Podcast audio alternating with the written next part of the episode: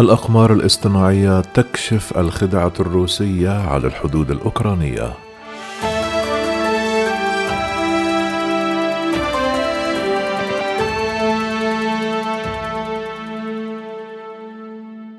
قال الأمين العام لحلف شمال الأطلسي يانس سترونسبرغ أن صور الأقمار الاصطناعية تؤكد عدم سحب روسيا لقواتها من حدود أوكرانيا وأوضح للصحفيين على هامش اجتماع لوزراء دفاع الحلف في بروكسل الذي يستمر ليومين. معلومات المخابرات لدينا تم تأكيدها بالفعل من مصادر مفتوحة من خلال صور التقطتها أقمار اصطناعية تجارية. من جانبه قال وزير الخارجية الأمريكي أنتوني بلينكين أن الولايات المتحدة لم ترى أي مؤشر على انسحاب القوات الروسية من مواقعها قرب حدود أوكرانيا بل أن موسكو تحرك وحدات مهمة لتكون أقرب من المنطقة. كما ذكر بلينكين لقناة تلفزيون ام اس ام بي سي هناك فرق بين ما تقوله روسيا وبين ما تفعله. لن نرى أي انسحاب لقواتها.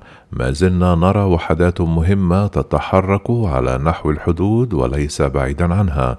كما أضاف ما نحتاج لرؤيته هو العكس تماما. نريد أن نرى هذه القوات تتحرك بعيدا. كان الرئيس الأمريكي جو بايدن قد ناشد نظيره الروسي فلاديمير بوتين بالتراجع عن شن حرب على أوكرانيا.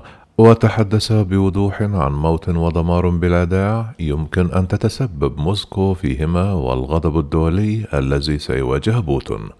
الأربعاء بحث الدول الأعضاء في حلف شمال الأطلسي طرقا جديدة لتعزيز دفاعات الدول الواقعة على الجانب الشرقي للحلف حيث يؤجج الحشد العسكري الروسي حول أوكرانيا إحدى أكبر الأزمات الأمنية في أوروبا منذ عقود. وعلى مدار يومين في مقر الناتو في بروكسل كان من المقرر أن يناقش وزراء الدفاع كيف ومتى يتم إرسال القوات والمعدات بشكل سريع إلى البلدان الأقرب لروسيا ومنطقة البحر الأسود إذا أمرت موسكو بغزو أوكرانيا. كما يخطط وزير الدفاع الأمريكي لود أوستن ونظائره لتقييم إمكانية نشر قوات على المدى الطويل في جنوب شرق أوروبا. وربما يبدأ ذلك في وقت لاحق من هذا العام.